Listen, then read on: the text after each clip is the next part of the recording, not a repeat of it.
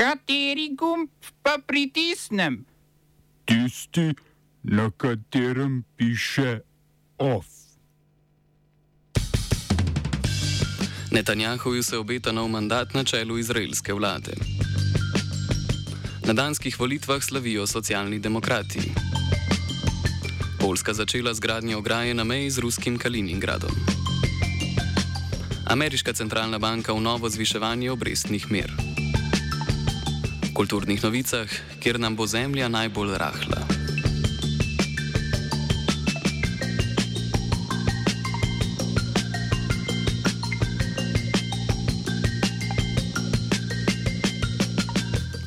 Po delnih rezultatih izraelskih volitev, petih v manj kot štirih letih, je v vodstvu konzervativna stranka Likud z nekdanjim premijejem Benjaminom Netanjahujem na čelu.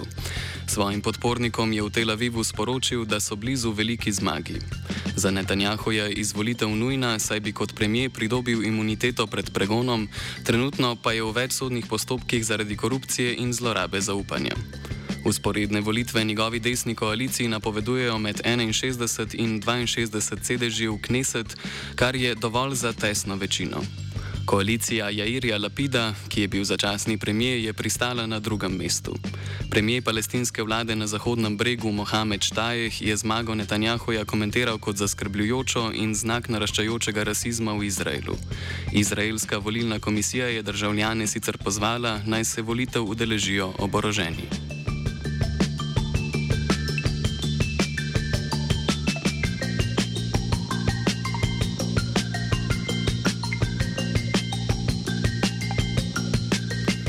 Dansko vlado bodo ponovno vodili socialni demokrati, koalicija levih strank pa je na predčasnih volitvah osvojila tesno večino v parlamentu.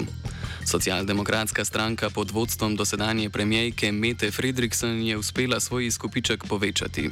27,5 odstotka glasov so socialdemokrati dosegli najboljši volilni rezultat v zadnjih 20 letih. Fredriksen je tako dobila potrditev zaupanja danskega prebivalstva. Ni pa še gotovo, ali bo parlament sestavljala strankami leve koalicije ali si bo prizadevala za povezovanje z desno sredino. Volitve so razpisali na podlagi očitkov premijejki o njenem neustreznem spopadanju z draginjo in potem, ko je parlamentarna preiskovalna komisija ugotovila, da je premijejka dala nelegalno iztrebiti populacijo minkov na Danskem. To je storila v strahu pred prenašanjem okužbe z novim koronavirusom.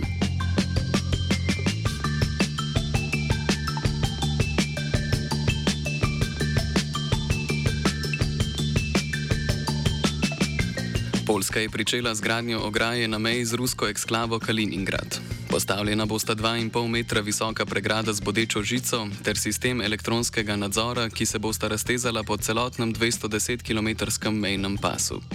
Polski obrambni minister je kot razlog za pričetek del navedel nevarnost, da bi eksklava postala izhodišče za neregularne migracije na polsko ozemlje.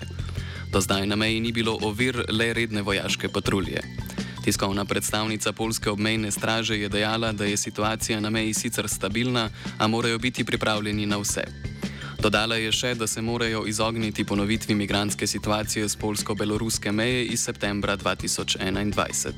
Belorusija naj bi takrat z namenom destabilizacije Evropske unije migrantom olajšala in omogočala prehod meje s Polsko ter drugimi pribaltskimi državami.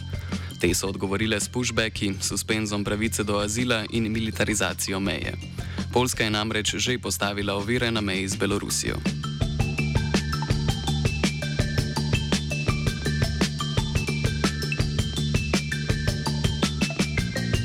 Turški. Turški predsednik Re Recep Tajip Erdogan je sporočil, da se Rusija vrača k sporazumu o izvozu žita iz ukrajinskih pristanišč. Po Erdoganovih besedah je ruski minister za obrambo Sergej Šojgu turškemu obrambnemu ministru zagotovil, da se Rusija vrača k sporazumu o izvozu žita iz ukrajinskih pristanišč ob Črnem morju. Ruske zahteve po Šojgujevih besedah so, da humanitarnega koridorja in pristanišč ukrajinska vojska ne bo uporabljala za vojaške namene. Nadaljevanje sporazuma, ki sta ga državi sklenili julija ob posredovanju Združenih narodov in tuj, Turčije, prihaja po ukrajinskih zagotovilih, da pristanišča ne bodo služila izvajanju vojaških operacij proti Rusiji.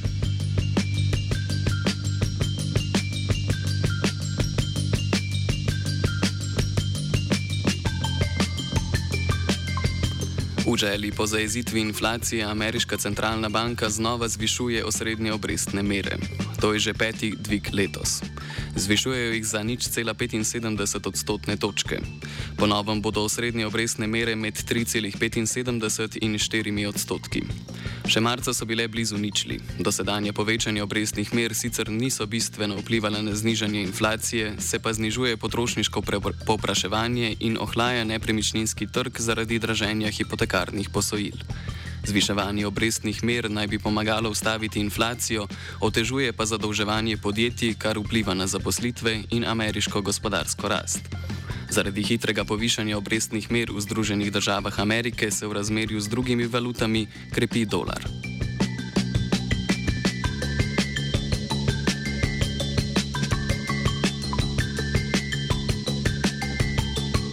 Poslanci Črnogorskega parlamenta so sprejeli spremembe zakona o predsedniku države.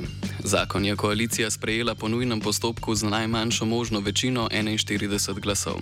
Spremembe tega zakona predvidevajo vrsto določb, s katerimi želijo nasprotniki predsednika države Mila Džukanoviča obvezati, da predlaga mandatarja za sestavo vlade. Zakon namreč določa, da je predsednik dolžan predlagati mandatarja v 30 dneh po izglasovanju nezaupnice vladi v parlamentu.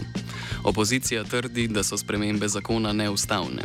Čukanovičevi socialisti so več kot 30 let obvladovali državno politiko, to pa se je končalo z volitvami leta 2020.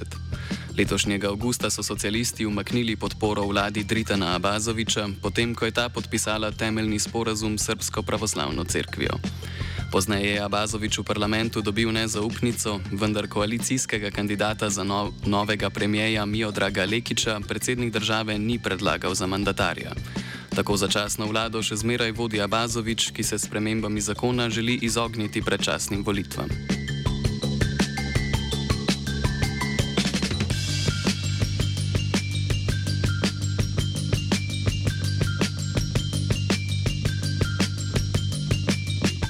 Srbija je odredila vojaško pripravljenost, potem ko so nad njihovim ozemljem opazili brezpilotne letalnike.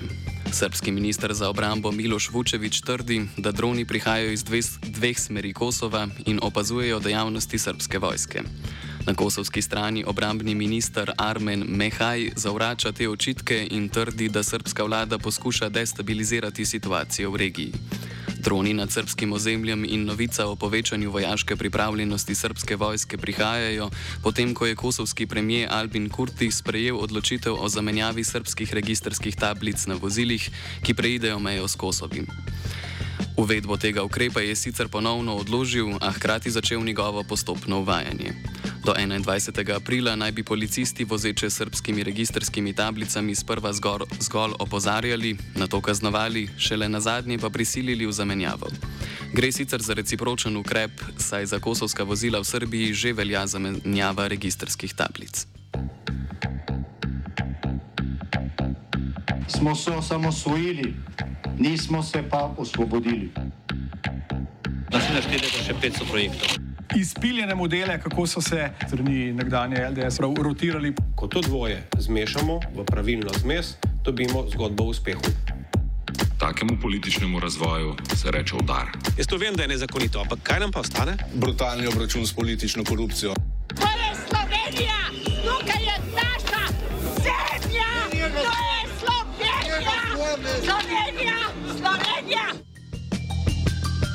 вокруг Okrožno sodišče v Ljubljani je nekdanjega dekana fakultete za družbene vede Bojka Bučarja oprostilo obtožb o zlorabi položaja pri izplačevanju dodatkov za stalno pripravljenost. Po odločitvi sodišča ni dovolj dokazov, da so na fakulteti med izplačevanjem dodatkov za stalno pripravljenost vedeli in razumeli, čemu je namenjena stalna pripravljenost. Po mnenju sodišča so na FDV-ju domnevali, da je z izplačili vse v redu, saj so bili dodatki določeni v kolektivni pogodbi za javni sektor in zakonu o sistemu plač v javnem sektorju. Glede na to, Bučarju po odločitvi sodišča ni moč očitati naklepne zlorabe položaja. Toživstvo je Bučarju očitalo, da je od oktobra 2011 do septembra 2013 zlorabljal uradni položaj z izdajanjem odred, odredb in sklepov o stalni pripravljenosti za 24 uslužbencev fakultete, s čimer naj bi zase in za druge pridobil protipravne koristi. Na oprostilno sodbo je tožilstvo že reagiralo z napovedjo pritožbe, saj so v primerljivih zadevah že bile izrečene ob obsodilne sodbe.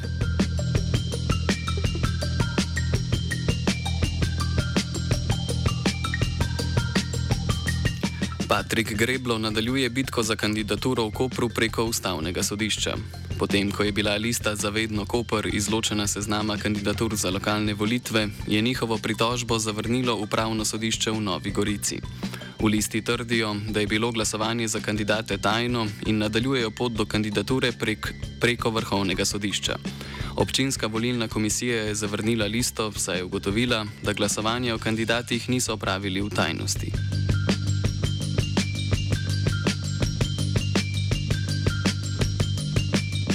Ovsta pripravila vajenka Leja in vajenec Filip. Mentoriral